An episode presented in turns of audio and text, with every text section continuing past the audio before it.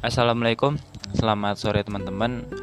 Kali ini romantis terus ya temanya, kecuali yang episode sebelumnya banget yang judul lama sekali. Kali ini romantis lagi, yaitu menikah denganmu. Denganmu ini aku nggak pernah tahu siapa perempuan itu, dan aku nggak berharap yang dari kedokteran itu akan bersamaku. Kenapa? Ya aku lebih ke memasrahkan hasilnya pada Tuhan. Yang penting sekarang aku lebih ke memantaskan diri aja sih. Nggak pengen aneh-aneh. Selama aku baik memantaskan diri bahkan mapan ya nilai plus tentu akan mendapatkan perempuan yang baik juga. Sebenarnya sih aku pengen ya dengan dia. Kenapa aku masih belum terlalu kenal dengan dia jadi pengen kenal lebih dekat. Tapi kok rasanya dia yang menutup diri dan jauh ya? Ya udahlah. Aku pikir mending move on aja diterima. Kalau dia bahagia dengan kehidupannya sekarang aku pun juga harus bahagia. Udah setahun ini aku nggak jalin komunikasi. Dan setahun itu aku gunakan untuk self healing ya. Penyembuhan diri menerima realita dan sebagainya aku tahu dia tuh bukan bermaksud menjauhiku sebenarnya tapi dia pengen fokus sama karirnya. Maksudnya karir itu kuliahnya. Dia pengen apa ya masuk pesantren gitu loh. Aku berharap dia masuk pesantren beneran dan untuk ilmu agama. Nah di situlah aku berpikir aku emang gak layak deh bersama dia kenapa? Dia tuh terlalu baik buatku kalau aku bersamanya aku mungkin terlalu jahat baginya dan gak adil kan? Kayak begitu. Ya udah aku ya udah deh pasrah aja barangkali emang perempuan untukku tuh belum ada sekarang. Lagi persiapan juga. Atau kisah hidupnya hampir sama denganku. Diberikan kayak apa yang penting aku sesuai kriteria aku dan sama-sama cocok kenapa enggak kalau emang udah jodoh gitu? Misalkan perempuan itu udah ada ya di depanku anggap aja aku udah kenal deket ya sama dia. Uh, biar gampang aku berandai-andai namanya Mawar deh. Mawar ini perempuan yang bakal menikah denganku satu tahun dua tahun. Jadi aku berusaha mengenal dia lebih dekat. Ya awalnya aku dan Mawar nih satu apa ya bukan organisasi sih ikut volunteering ya terus kita satu tim gitu. Jadi volunteering itu dibagi tiga tim aku satu tim dengan mawar isinya lima orang dua laki-laki tiga perempuan. Aku dan mawar ini kayak menghabiskan waktu bersama gitu cerita ini itu. Saling mengenal secara dasar lah ya wajar lah kayak nama nama lengkap tempat tanggal lahir. Oh umurnya sama nih sama-sama 20 terus hobinya apa? Oh beda. Ternyata dia suka masak aku suka nulis. Tapi dia suka baca juga.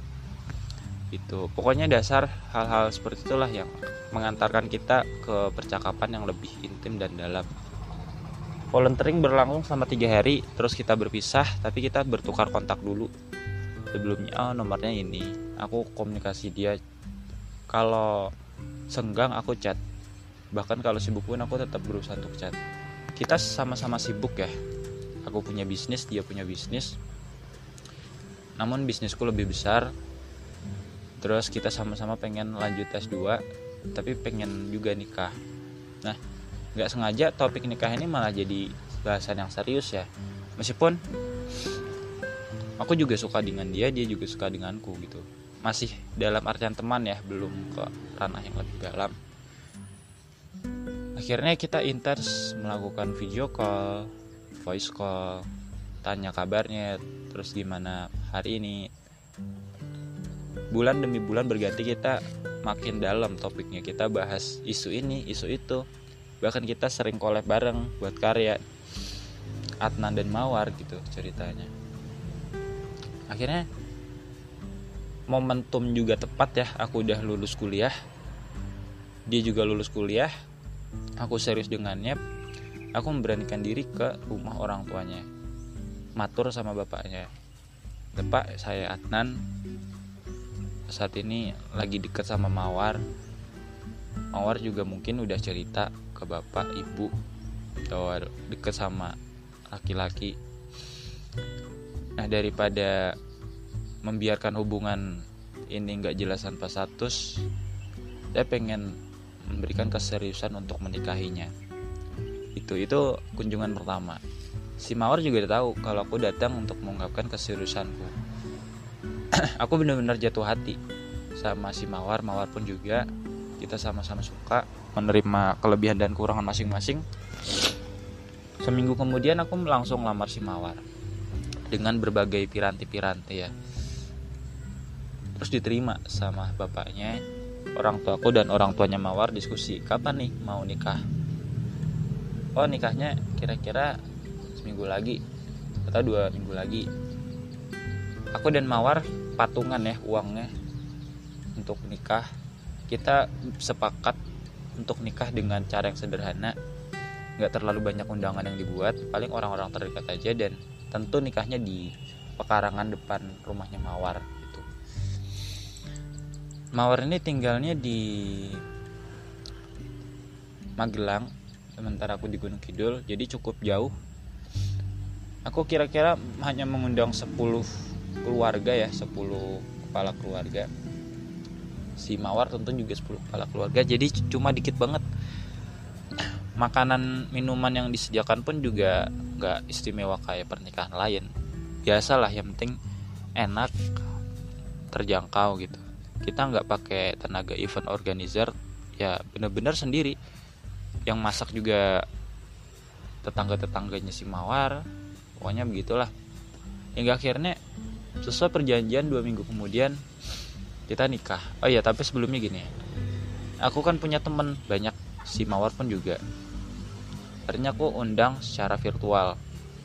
Mereka bisa datang tapi ya cuma terbatas karena masih belum meyakinkan karena masih pandemi mungkin secara virtual pun ada lewat Google Meet atau Zoom gitu. Teman-teman seneng kaget shock juga. Oh Adnan udah mau nikah nih. Teman-temannya Mawar pasti juga gitu. Dan aku sempat ngirimin undangan pernikahan itu ke dia yang dari kedokteran tapi belum tahu responnya gimana ya aku harap dia bisa menerima kenyataan seperti itu. Kalau aku udah bisa move on tanpa harus adanya dia. Terus akhirnya kita nikah ya kan? Aku ngucapin janji ingin bahagian dia jaga baik-baik memiliki keturunan dan sampai tua terus bersama gitu.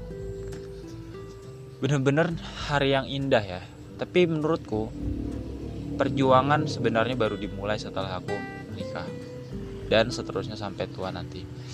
Nah itu ilustrasi ya bukan kisah nyata aku tapi aku harap begitu suatu saat entah dua tahun tiga tahun ke depan lima tahun ke depan.